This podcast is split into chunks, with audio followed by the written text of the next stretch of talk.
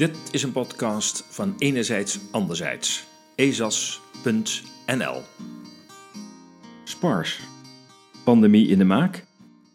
We zitten nog midden in de ellende van COVID-19, de pandemie die toevallig enkele maanden voor haar uitbraak in New York in een simulatiespel werd geoefend.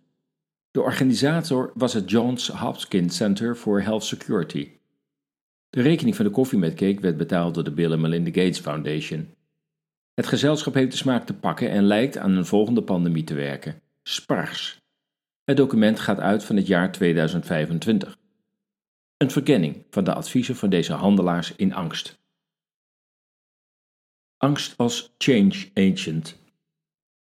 Grote delen van de westerse wereld kennen al sinds 1945 vrede, politieke stabiliteit en relatieve welvaart. Dat is een comfortabele constatering. Dat betekent dat de bevolkingen uit die werelddelen hun perceptie van risico en veiligheid geleidelijk hebben aangepast. Waar de generatie die de Tweede Wereldoorlog heeft meegemaakt veiligheid en risico relateert aan het al dan niet overleven van een bombardement, aan het al dan niet opgepakt worden en verdwijnen in een gevangenenkamp of erger, leeft de huidige generatie met code oranje als een storm dreigt. En wordt een matig virus direct tot mondiale pandemie verklaard. In ruil voor veiligheid, of in elk geval de illusie van veiligheid, lijkt ons geen prijs meer te hoog. Zeg maar, overheid, wat moeten we doen? Wat moeten we opgeven? Maar red ons van de risico's. Met 76 jaar vrijheid en relatieve veiligheid is de lat steeds hoger komen te liggen. Een al dan niet reële dreiging van een inval van de Russen was de basis voor de Koude Oorlog. Met deze angst voor een inval of een kernoorlog accepteerde de bevolking stijgende uitgaven voor defensie, maar ook de plaatsing van kernwapens op Nederlandse bodem. Met de val van de Berlijnse muur en het imploderen van de Sovjet-Unie, nu Rusland, kwam een einde aan die angst. Het leek alsof de wereld definitief afscheid had genomen van politieke en militaire confrontaties. Een decennium, 1990 tot het jaar 2000, van een naïef optimisme brak aan met het uitbreken van conflicten in het voormalig Joegoslavië tussen Bosnië, Servië en Kroatië stonden de Europeanen weer met beide benen op de grond. Toch weer oorlog op het Europese continent. Met de gruwelijke geschiedenis van Srebrenica verloor Nederland haar onschuld. En niet voor de eerste keer in de recente geschiedenis. De moord op 7000 mannen uit Bosnië door Servische legereenheden onder toezicht oog van Nederlandse militairen bracht ons land in grote verlegenheid. Toch hebben veel Nederlanders de periode 1989 tot 2001 als een ontspannen en welvarende tijd ervaren. Met 9-11 kwam daar verandering in. Met deze aanslag op onder meer de Twin Towers in New York werd een nieuwe lange periode van angst ingeluid. Angst voor islamitische terreur. De aanslag, waarvan het volledige en bewezen feitencomplex nog lang niet bekend en erkend is, maakte de weg vrij voor een nieuwe serie oorlogen van de Verenigde Staten in het Midden-Oosten. De angst werd ook gebruikt om de bevolking van de westerse wereld veiligheid tegen terrorisme te beloven, als zij verregaande inbreuken op haar privacy zou accepteren. Het verspreiden van angst wordt door overheden zelden als ongewenst beschouwd. Overheden en achterliggende krachten en belangen hebben die angsten door de hele geschiedenis voor eigen doelen geïnstrumentaliseerd. Topnazi Joseph Goebbels kreeg tijdens de Nuremberg-processen de vraag hoe zij een hoog ontwikkeld volk als het Duitse zo voor het nazisme hebben kunnen winnen. Goebbels antwoordde dat niet het, de nazi-ideologie de bepalende factor was, maar angst. Citaat: Een volk in angst kun je alles laten accepteren. Einde citaat. Dat betekent dat angst in de geschiedenis vaak een doel heeft gediend. Er zijn talrijke voorbeelden van acties opgezet door overheden om angst een nieuwe voeding te geven. Veel van zulke false flag operations worden vaak met grote mediale aandacht onder de bevolking bekendgemaakt. Daarbij valt op dat de media en overheden de dag na het voorval al direct schijnen te weten wie de daders zijn. Zo wisten de autoriteiten in de Verenigde Staten al direct dat de vliegtuigen die in het WTC waren gevlogen door moslims werden bestuurd een onverbrand paspoort van een van de kapers, gevonden onder een dikke laag puin en stof in een New Yorkse straat, moest al direct als onomstotelijk bewijs dienen. Dat het vooral Saoedi's bleken te zijn, hinderde de VS niet om een totaal ander land, namelijk Afghanistan, de oorlog te verklaren. Ook bij MH17 wisten de media en autoriteiten al de dag na de ramp te melden dat alleen de Russen hierachter konden zitten. Vergiftiging van spionnen, de terreuraanslag op de kerstmarkt in Berlijn, vertonen allemaal dezelfde kenmerken. De dader, gepakt of niet, is al direct bekend. ID-papieren worden bijna altijd direct gevonden. Maar al die officiële verhalen over wat voorgevallen is vertonen grote lacunes of tegenstrijdigheden. In de meeste van zulke gevallen resten open eindjes die nooit worden ingevuld. Geïnstrumentaliseerde angst. We kunnen niet uitsluiten dat door COVID-19 een vorm is van geïnstrumentaliseerde angst. Of het virus nu man-made is of niet, overheden en media lijken er alles aan te doen de angst voor het virus zo hoog mogelijk op te voeren en dit ook zo lang mogelijk te rekken. Waar overheden gerust zouden moeten stellen, de zorgcapaciteit zouden moeten uitbreiden om aan de vermeende gevaarlijke gezondheidssituatie het hoofd te kunnen bieden, doen zij, mondiaal gesynchroniseerd, precies het omgekeerde. Onder het mom van het zorgen voor veiligheid worden de meest ingrijpende veranderingen doorgevoerd in de naoorlogse geschiedenis. De burgers van vele landen verliezen in hoog tempo haar over decennia verworven democratische en juridische rechten. Delen van de economie worden gewetenloos afgebroken en de burgers steeds meer bewegingsvrijheid ontnomen en aan digitale controles onderworpen. In vereniging bijeenkomen is amper mogelijk, protesteren tegen de maatregelen kan rekenen op onverbloemd overheidsgeweld en door haar ordendiensten geprovoceerde escalatie. De eigen woning is niet meer veilig voor politieinvallen. Het lichaam is niet meer beschermd tegen periodiek testen en indirect afgedwongen vaccinaties. Met dat laatste chanteren overheden de burgers. Met gewillige inzet van de grote regeringsgezinde media en de techplatforms. Als je je meermaals laat inenten tegen COVID-19 of al haar opvolgers, krijg je een deel van je grondwettelijke vrijheden weer terug. Het zou wel eens voor velen een misrekening kunnen blijken. Sommige mensen vermoeden andere achterliggende doelen, van gestuurde bevolkingsreductie tot het verkrijgen van controle over de mens en zijn geest. De technieken om mensen na inbreng van ultrakleine messengers te volgen bestaan al. Of het waar is, is vooralsnog niet te achterhalen. Aanwijzingen zijn er wel. Ondertussen spelen zich ook andere processen af. Zo wordt een imploderen van ons geldsysteem verwacht, waarbij eventuele opstanden onder de bevolking met de coronawetten gemakkelijk kunnen worden onderdrukt. Het deels bevriezen van de maatschappelijke activiteit lijkt een bijdrage te moeten leveren aan de beperking van de menselijke uitstoot van CO2. De vraag hier onbeantwoord latend of dit nu een reëel probleem is of een sterk overdreven narratief om duizenden miljarden publiek geld naar het grote bedrijfsleven over te hevelen. Sommigen verwijzen naar de duurzaamheidsdoelen van de Verenigde Naties, een programma dat opvallende wijze loopt van 2020 tot 2030.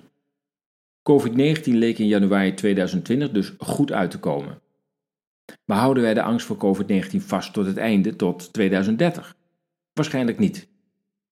En na deze lange inleiding volgt een inkijkje in het vervolg van COVID-19. SPARS. Een virus dat we rond 2025 mogen verwachten. Pandemic 2. SPARS. Over de opstellers. Het Johns Hopkins Center for Health Security werkt aan de bescherming van mensen tegen epidemieën en rampen en aan de opbouw van veerkrachtige gemeenschappen door middel van innovatieve wetenschap, betrokkenheid en onderzoek dat de organisaties, systemen, beleidsmaatregelen en programma's versterkt die essentieel zijn voor het voorkomen van en reageren op crisis op het gebied van de volksgezondheid. Het centrum maakt deel uit van de Johns Hopkins Bloomberg School of Public Health en is gevestigd in Baltimore. Einde citaat. Dit instituut bracht onlangs het SPARS-rapport uit, net zoals dat van de Rockefeller Foundation over onder andere het lockstep-scenario. Een scenario voor een volgende pandemie, SPARS. Het rapport stelt duidelijk dat het niet bedoeld is als een voorspelling. Dat zeiden ze ook van de oefening Event 201, dat kort voor de uitbraak van COVID in New York plaatsvond.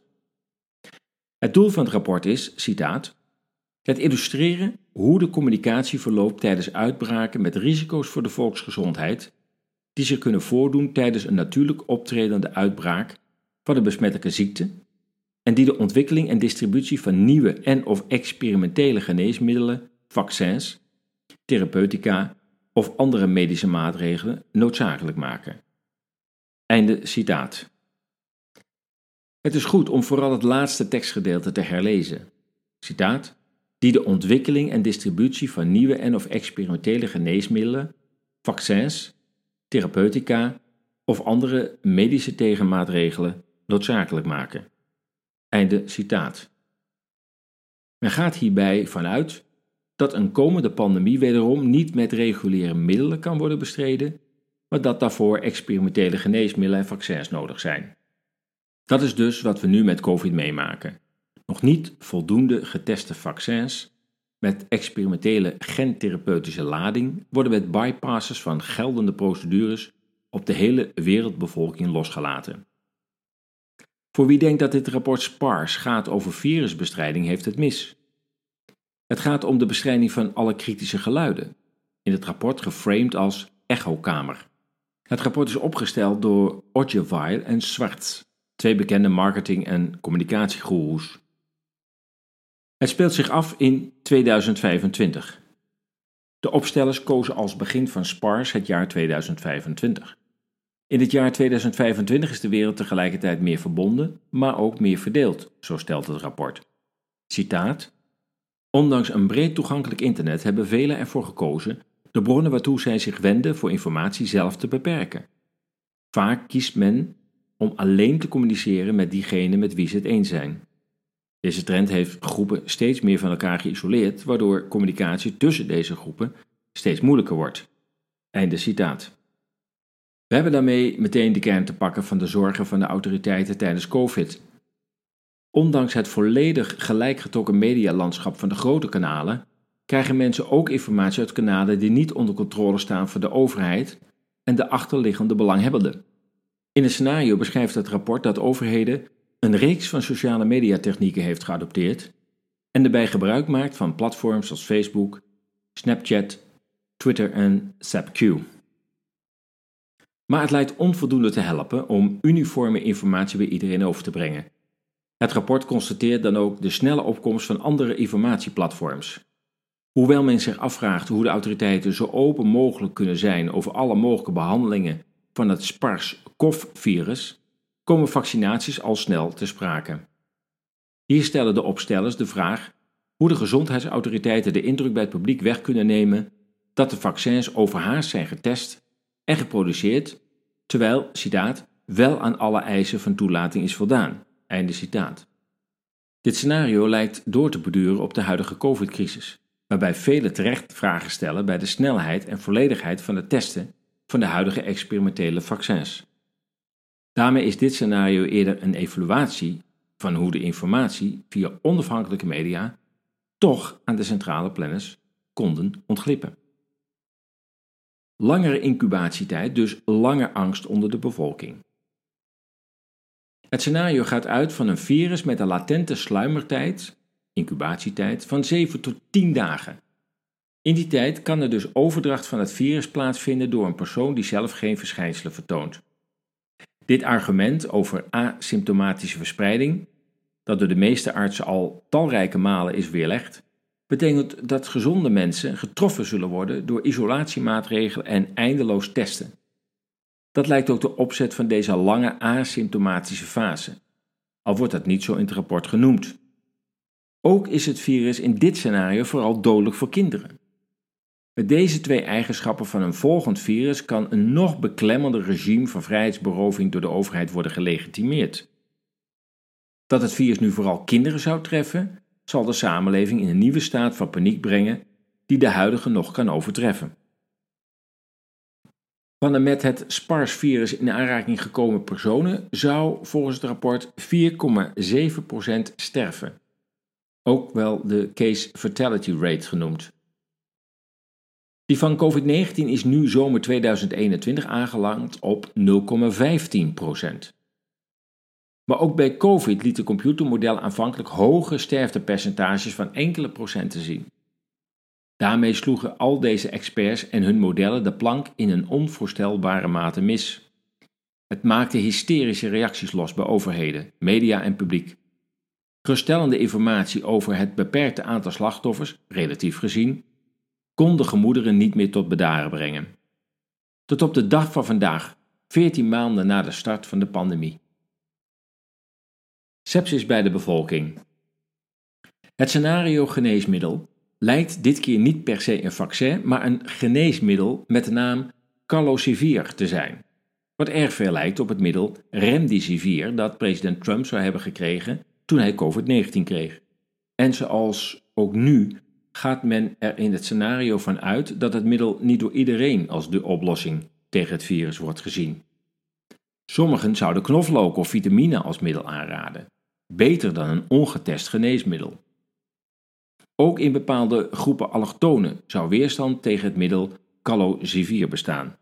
Het rapport vraagt zich af hoe pre-crisis partnerships vooraf aan de uitbraak tegenstrijdige berichtgeving kan voorkomen. Als in de media een kind verschijnt dat na toediening van calosivir hevig gaat overgeven, slaat het wantrouwen bij het publiek toe, al dus het scenario. Vergelijk de mensen die omvallen en sterven na toediening van een COVID-inenting. Een ander nachtmerriescenario waarover men het hoofd breekt, is dat Europa een ander middel inzet ter bestrijding.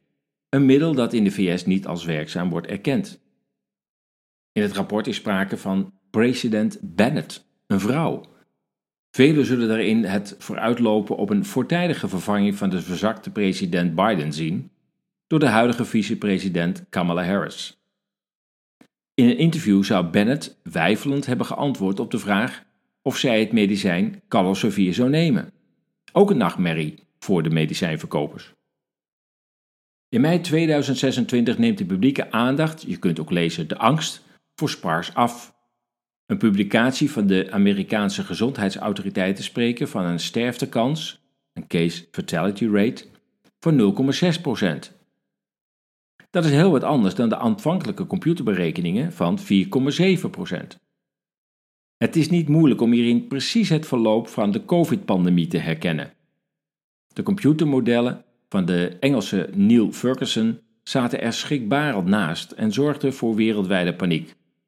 Nu is COVID-19 aangeland bij 0,15%.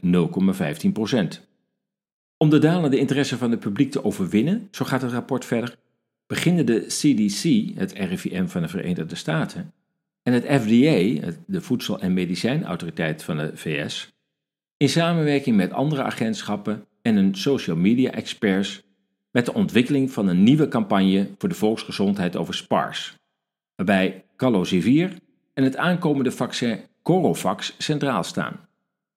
Het doel van deze campagne is om een bundeling van berichten te creëren die door alle volksgezondheids- en overheidsorganisaties kunnen worden gedeeld, waarin het SPARS-vaccin zal worden geïntroduceerd. Hoewel de ziekte minder dodelijk is dan aanvankelijk werd gedacht, blijft de behandeling erg duur en hebben zelfs milde gevallen aanzienlijke gevolgen voor de economische productiviteit van het land. En nu? Velen stellen zich de vraag: moeten we dit SPARS-rapport nu als een nieuw Event 201 beschouwen, waarbij kort na de oefening het virus realiteit werd? Dat is moeilijk te zeggen. Het rapport leest eigenlijk helemaal niet als een scenario, laat staan als een roadmap zoals sommige sites beweren. Het lijkt een evaluatie van de huidige pandemie, waarover het rapport een lange reeks vragen en dilemma's formuleert om het de volgende keer beter te doen. In elk geval willen de opstellers en mogelijk de financiers van het rapport bij een volgende pandemie hun medische product met minder gedoe bij zoveel mogelijk burgers in de keel of de arm krijgen. Het zou daarom naïef zijn om te denken dat dit rapport slechts een academische vingeroefening zou zijn. Toevoeging 18 juni 2021. Het rapport is opgesteld in 2017. Dat leidt bij sommige analisten tot de conclusie dat als de jaartallen 2025, 2028 worden vervangen door 2020, 2023, dit rapport niet een toekomstige, maar de huidige pandemie beschrijft. Dat zou erop duiden dat met SPARS COVID-19 wordt bedoeld en dus een plan is dat nu in uitvoering is. Dit was een podcast van Enerzijds Anderzijds. U kunt ons steunen met een donatie. Ga naar de donatiepagina op onze website ezas.nl. U kunt daar eenvoudig doneren via Ideal of met Bitcoin. Steun ons werk, maak ons sterk. Enerzijds anderzijds zoekt naar nieuwe inzichten in actuele thema's. De massamedia die lang werden vertrouwd, hebben dat vertrouwen bij velen verloren. Enerzijds anderzijds wil met haar berichtgeving meer balans brengen in actuele onderwerpen. Lees onze berichten en artikelen op ezas.nl. Laat ons uw mening weten en deel onze artikelen.